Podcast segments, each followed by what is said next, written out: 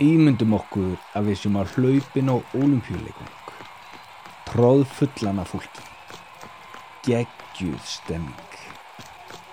Langt æfingaferli er búið. Það er búið að vera langt hlaup líka og ég er alveg að klárast. Þetta er búið að vera erfitt hlaup. Ég lendi í mótvindi og mikillig rigningu og ég er þreyttur, ég er blöytur, ég er með stein í skónum. Mér finnst ég að vera alveg búin á því, ég finn fyrir öllum líkamann. En það er svo stutt eftir. Bara nokkur skrefi viðbót og ég er komin í mark. Þetta eru nokkur hundru metrar, en ég er svo þreyttur. Hvernig á ég að gera þetta?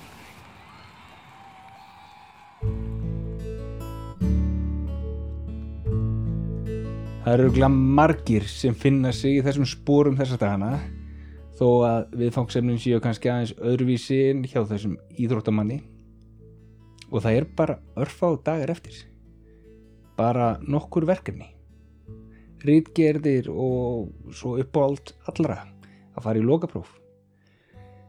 Það er stórförðuleg önna klárast en við sjáum tindin við erum alveg við endamarkið það er bara svo lítið eftir bara smái viðbót sem við þurfum að klára. En þetta smái viðbót er kannski alveg hellingur af því að það er svo lítið eftir á tánum hjá okkur. Við erum mörg orðin svolítið þreytt við erum kannski orðin leið og kannski smá vonlaus stundum.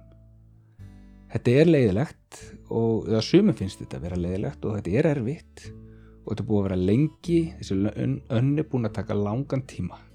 Og svo framvegis og svo framvegis Það er búin að vera alls konar hindranir og óvæntar breytingar sem við höfum ekki alveg gert ráð fyrir í upphafi sumars og þegar við erum að takast á við hluti sem eru eins og þeir eru þá förum við stundum að hugsa alls konar vittlisu. Er ég að fara að ná þessu? Er ég að fara að falla í öllu? Er ég bara heimskur eða heimsk? Og hvernig á ég að geta gert þetta? Þetta eru svona pælingar sem margir eru í. Og af hverju fer fólk að hugsa svona? Við vitum að það er erfitt að vera í skóla og það er erfitt að klára annir. Það er erfitt að fara í próf og það er dröðlega erfitt að standa sér vel. Og hvernig ætlum við að finna út úr því? Við þurfum að klára þetta. Við þurfum að finna leið og leiðir. Við þurfum að finna kraftin inn í okkur, orkuna, til að klára þennan endasbrett því að það er svo lítið eftir og í dag þá ætla ég að fara eins yfir það hvað við getum gert til að setja orkun á tankin hvernig við getum teikna leiði gegnum þessa síðustu daga annarinnar. Og þegar það er búið þá komumst við í pásu, frí og kannski sund eða eitthvað annað skemmtilegt. Kíkjum aðeins á dótdagsins förum yfir hvað er hægt að gera núna síðustu dagana í skólunum förum aðeins yfir hvað við getum gert til að klára þetta hvaða leiðir eru mögulegar, hvernig við finnum orkuna til að taka endarsprektin og hvernig við náum að sigla þessu höfn þannig að við getum farið rólega í fríð.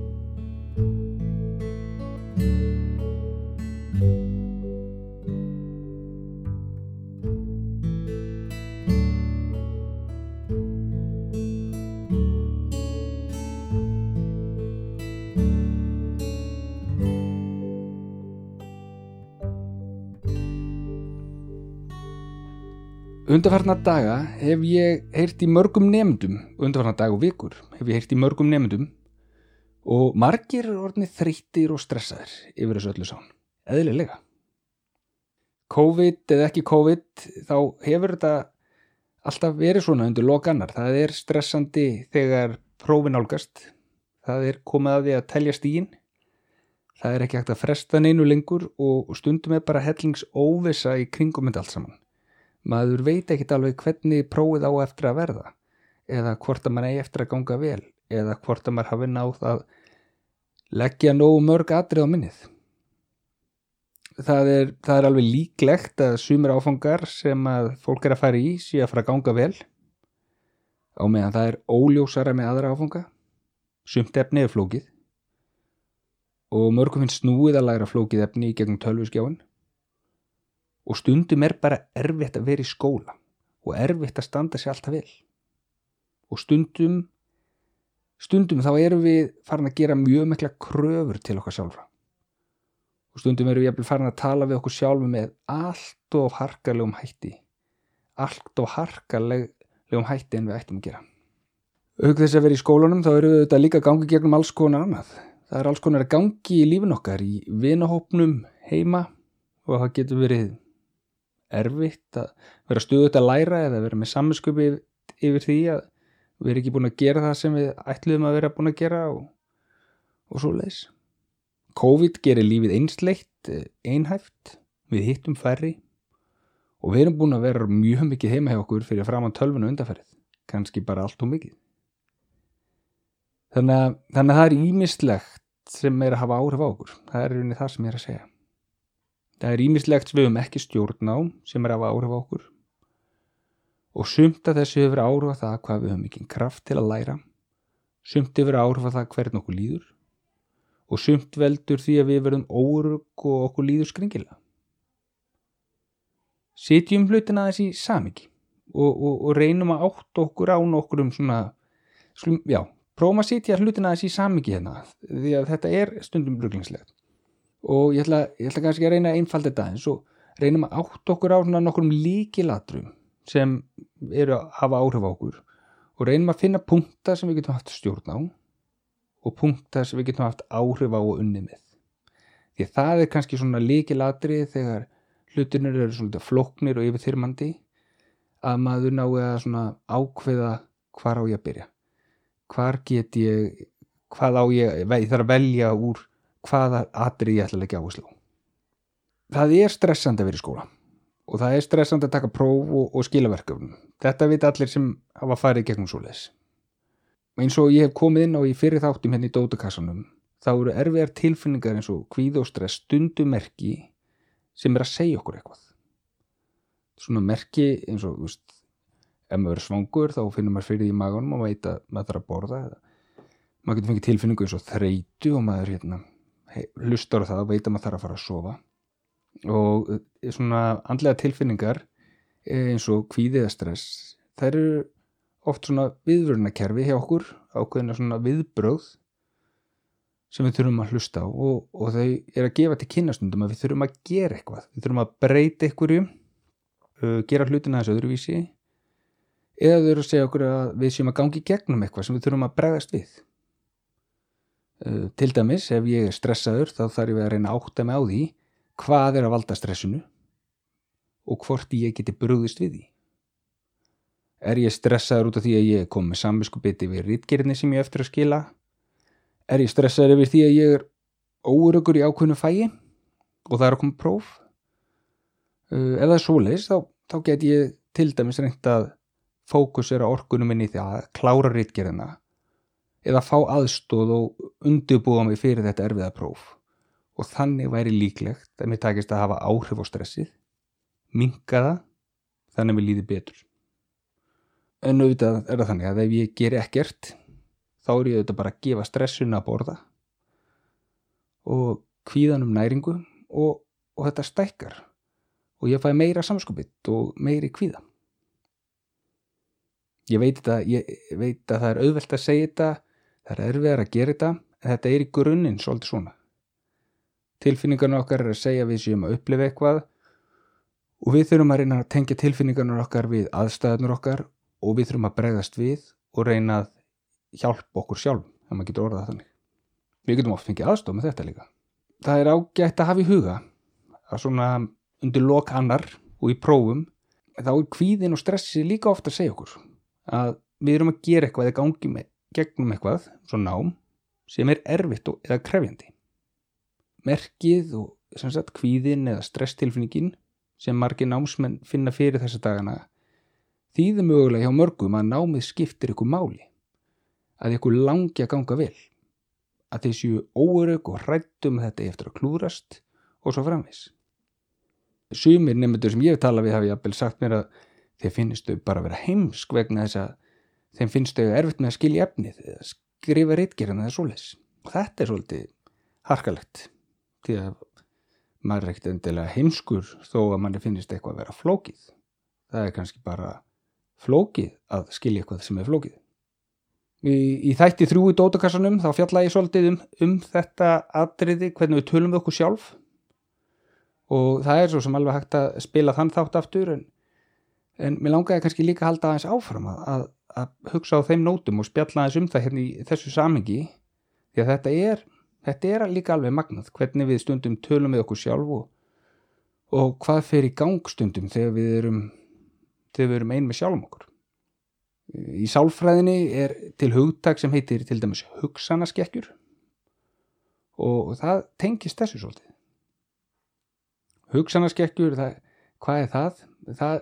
Það er þannig hugsanir sem koma eða svona sjálfkraf upp í hugan okkur og eru oft svolítið órögréttar, það eru oft svolítið harkalegar og það er, er ít og oft undir svolítið neikvæða tólkun á okkur sjálfum, aðstæðunum okkar og hafa oft þau áhrif að okkur líður illa. Þetta hugsanaskekkjur er eitthvað sem við lendum öll í, við, við höfum öll svona tendens til eða tilhengu til þess að, að, að hérna, hugsa að finna fyrir hugsanaskekkjum og ég get til dæmis tekið bara nokkur dæmi það eru til mjög margar en til dæmis uh, algengar hugsanaskekkjur eru þegar við festumst í að sjá neikvæða hliðar af aðstæðum eða okkur sjálfum eða við erum að tólka allt á neikvæðan hátt.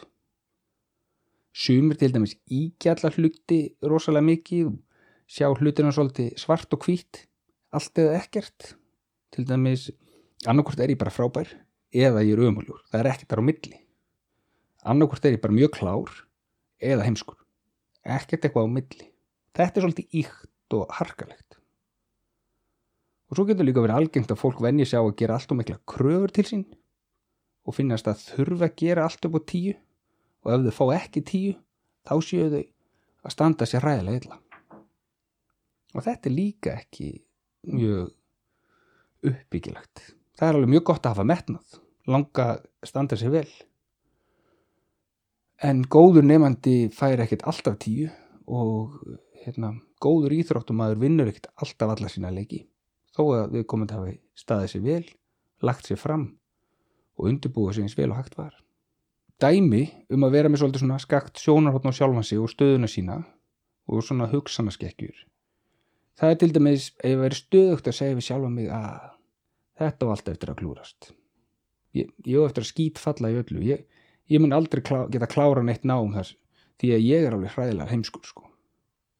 Þannig að, og þetta er svolítið harkalegt að tala svona við sjálfan sig en það er alveg ótrúlega marg sem detta svolítið óvart í þetta tala harkalega við sjálfan sig dæma sjálfan sig hart uh, menja sig á að gera allt og mikla kröfur til sín og auðvita hefur það áhrif á það hvernig viðkomandi líður og hvernig viðkomandi bregst við aðstæðum. Auðvitað hefur það áhrif á orkuna sem viðkomandi hefur til að takast á við hlutina og að því að svona neikvægt sjálftal dregur oft úr manni kraft og, og, og, og útalt því að sko það segir sér náttúrulega einlega sjálft að ef ég væri reglulega að tala við sjálf mig þá, þá myndi þetta hafa þau áhrif á mig mér myndi líða illa. Og auðvitað líður öllum illa ef við upplifum hlutina harkalega eða með neikuða mæti og það er að hústaðin fyrir þetta eru kallar hugsana skekkjur það vegna þess að þetta er skakt sjónarhopp beiglu tólkun á því hvernig hlutinir eru. Og langoftast þá er þetta ekki rétt tólkun á raunveruleikum langoftast er mjög ósangjant að hugsa svona og ekki fyllilega rétt. Þetta finnst mér svolítið mikilvægt að hafa í huga núna í þessu, á þessum tímapunkti. Því að það er þannig að í fræðunum þá hérna hefur komið ljós að þegar við erum undir miklu álægi þegar mikið í gangi hjá okkur og mikla kröfur og við erum orðin þreytt og úttaldi okkur lítið þá er sérstaklega mikil hægt á því að hugsun okkar skekkjast svona. Og að við förum að hugsa á skakkan hátt um okkur sjálf og hvernig okkur gengur. Og verða svona allt og harkarlega við okkur sjálf. Og af hverju hérna er þetta mikilvægt? Jú, það er nefnilega hjálpar okkur oftast ekki að tala sjálf okkur nýður eða gera lítið úr sjálfun sér eða möguleikunum sínum við getum tekið dæmi, ef ég er að fara á date þá er það ekki hjálplegt að vera búin að ákveða það. Að dateið eftir að klúðrast og vera umlegt ef ég er að fara að taka vítaspilni í fókbaltaleik þá, þá getur ekki verið hjálplegt að hugsa þannig að þegar ég er að stilla bóltanum að ég er eftir að skjóta framhjá eða markmaðun eða pottit eftir að vilja verja. Það sem er í framtíðin er ekki ennþá búið að gerast það er ekki ennþá búið að skrifa hana. Dateið gæti gengið mjög vel þó ég sé svolítið stressaður fyrir því og boltin gæti sungið í netinu ef ég vanda mig og ef ég hef trúið. Við vitum alveg að hluti geta klúrast, það er, það er ekkert uh, eh, hlutinir eru oft þannig í lífinu, við vitum það ekkert fyrirfram en við, sjáum, við kunnum heldur ekkert að sjá í framtíðina og það er ekkert endilega líklegt að hlutinir er eftir að klúrast þó að þeir séu kannski erfiðir eða það séu óvisa í loftinu. Ég með þrjá punta sem ég langar að leggja áherslu á hérna í dag til þess aðeins að reyna að ramma þetta inn sem ég er að reyna að fara yfir. Punktur 1. Þegar við nöndum miklu málagi þá getur huga fyrir okkur stundum orðið skakt og þá förum við stundum að hugsa og fókusera of mikið á neikvæðatri. Við samfærum okkur sjálfstundum af því að við erum stressuð og okkur líður illa og við erum órug þá samfærum við okkur sjálfstundum um það að hlutinu sé að fara að klúrast og, við séum ómuleg og umuleg einhvern veginn. Nú er ég svolítið ekki en, en stundum er það þannig. Og mér langar aðeins að grípa inn í þetta hérna því því ég held að þetta sé bara alls ekki alltaf svona. Og, og það er mikilagt að við æfum okkur í því smá saman að svara svona harkalum hugsunum og vera ekki ósangjörn við okkur sjálf. Já, já, hlutirnir eru stundum flóknir. Og við erum kannski ekki alltaf að leggja okkur 100% fram og svo framvegis en það þýðir alls ekki að við séum búin að klúdra öllu eða við séum ömuleg. Og þá komum við á punktu nummið tvö. Það er stressand að vera í námi og fara í próf. Það er eðlilegt að það skipt okkur mála ganga vel og það er stutt eftir önunni og við erum að stressast upp. En það þýðir ekki allt séu ruglunu eða þú eða ykkur sé að standa sig illa á klúðröllu. Okkur gengur misvel í námi og skóla. Fög eru miserfið. COVID er ruggl. Fjárnám er flókið. Og það er mikilvægt að setja hlutina í svona samhengi og taka ekki öllu of persónulega og dæm okkur sjálf ekki of harkalega þó þetta hafi allt saman áhrif á hvern okkur líður og hvern okkur gengur. Punktur 3. Draugum andan. Tökum stöðuna kortlegjum verkefnin, búin til plan. Markmiðin núna er að klára önna, skipilegja næstu daga, taka skrefið og halda áfram. Nýðurstaðan, hún liggur ekki fyrir, Þa, það er ekkert búið að gerast. Við höfum eins og hluti til þess að vinna með. Ég hef áður bent hérna á verkefni sem ég hef stundur notað sem ég kalla broskallaverkefni og það er hlekkur á það hérna með þættinum uh, og, og það getur verið ágætt sleið að kíkja á þú ég hef verið að gera það svolítið mikið núna undarfærið með nefndur sem hafa komið til mín. Prófaði að gefa fögunum sem ert í eða verkefnuðinum broskall það gengur vel í þeim. Geða hún svona allt í lægi kall það bara svona rullar og geða hún fílukall það gengur illa. Taktu eftir þeim verkefnum sem ganga vel. Því að við höfum tilhengu stundu til þess að gleima þeim af því að þau takk ekki eins mikið pláss og er ekki jafn tröflandi Fáðu aðstóð með verkefni sem gengur illa. Eittu meiri tíma og forgangsraðu þeim verkefnum sem er að fá allt í lægi kall eða fílukall. Ef verkefni er stórt eða flókið, bróttu það þá upp í minni skref. Taktu eitt kabla fyrir einu. Kláraðu skilduverkefni fyrst. Lærðu mikilvægustu atriðin áður nú festist í smáadröðun. Og þannig nærðu að takast mark markviss skref í átt af því að minka samvinskupitið og ná tökum á efninu. Smá saman getur fílukallinir færst yfir í allt í lagi kall og kannski yfir í bróskall. Sumverk og, og mögulega sko ferðu, fer maður í próf eða, eða, eða líkur áfanga og maður er kannski ekkit alveg meðan 100% en maður heldur ekki búin að vita hvernig lokaprófi verður eða hvort að maður sé búin að læra þá hluti kannski, sem, kannski er ég búin að læra þá hluti sem duga mig til þess að ná og, og skila ágættis árangri hjá sumum er það þannig að sumverkefni eru kannski ekki líklega til að ganga upp. Uh, kannski er ég fallin í ákveðnum áfangum kannski á ég of langt í land. Og þá eru þetta best að tala við fóreldrarna sína og námsarákjafa og finna út úr því og, og, og sjá hvernig er hægt að finna út úr því saman og skipulegja viðbröð við því. Það þýðir ekkert að hlutinu sé búin að klúrast með öllum hætti og það þýðir, það þýðir að það eru einhverjir aðri möguleikar sem það er að skoða og þurfum að ræða það. Og ég segi stundum í, við nefndur að veist, þetta er bara skóli. Þetta er ekki hérna þetta er ekki allt eða ekkert. Það er ekki annarkvært er ég í skóla og gengum mig vel eða ég mistíma eitthvað og allt er umlagt þetta er ekki svo les ég veit að skóli er mikilvægur. Það er gott að hafa metnað en stundum ganga hlutinni bara ekkert alveg upp og, og, og það er leiðilegt, já, það er leiðilegt en það er ekki endilega hræðilegt og alls enginn heimsendir þó einhver falli eða místík í sín ámi. Við þurfum að halda samt áfram að vera hugsa með uppbyggjulum hætti, hugsa í lausnum, finna út úr því hvernig við leysum þau verkefni sem hafa farið eins og þau fóru. Í því samengi er líka bara gott að hafa í huga að við fáum öll mörg tækifæri lífinu til að standa okkur vel og ná árangri. Hluta lífinu er, er þannig að við lendum ofti því að hlutinu gangi ekki upp. Við mistígum okkur, við, við verðum fyrir vonbröðum. Stundum er það út af því að við höfum ekki lagt okkur nægilega fram. Stundum eru aðstæður floknar og erfiðar. Stundum hafa margar ástæður orðið til þess að hlutinu hafi ekki gengið upp. Það er ímislegt sem er í gangi lífið er stundum ruggluslegt og, og flókið og með margar hliðar. En við megum samt ekki vera á harkalega við okkur sjálf. Og það er mjög gott að taka hlutunum ekki allt og mikið inn á sig. Ég er ekki lélegu nefandi þó ég falli eitthvað tíman í áfanga. Ég er ekki búin að klúðra öllu þó einhvern mín er lækki. Og framtíðin á ekki eftir að vera umuleg þó ég falli á önn eða mistými eitthvað í námi. Sumt í lífinu gengur upp og sumt gengur ekki eins og maður hafði ætlað sér. En í dag þá er bara örfáð dagar eftir að önninni hún er eins og hún er. Staðan hjá okkur er eins og hún er. Það er ímislegt sem við getum gert og við þurfum að fókusra á þá hluti þar sem við eru flest tækifærin. Við þurfum að taka eitt skref í einu eitt verkefni í einu eitt dag í einu og svo jólafrí og jólasveinar og alls konar. Gleimum því ekki að vera sangjörn við okkur sjálf.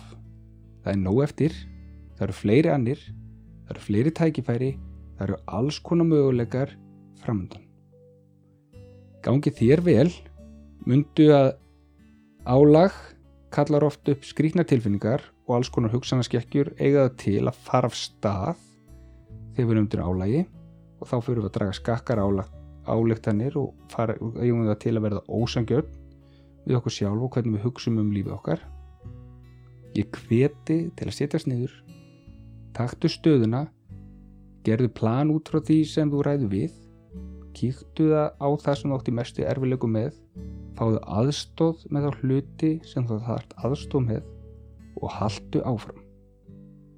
Það er stutt eftir bara nokkru metrar bara nokkru dagar og svo fáum við öll nýtt tækifæri á nýju ári eftir að hafa slaka vil á. Takk fyrir í dag og gangið vel.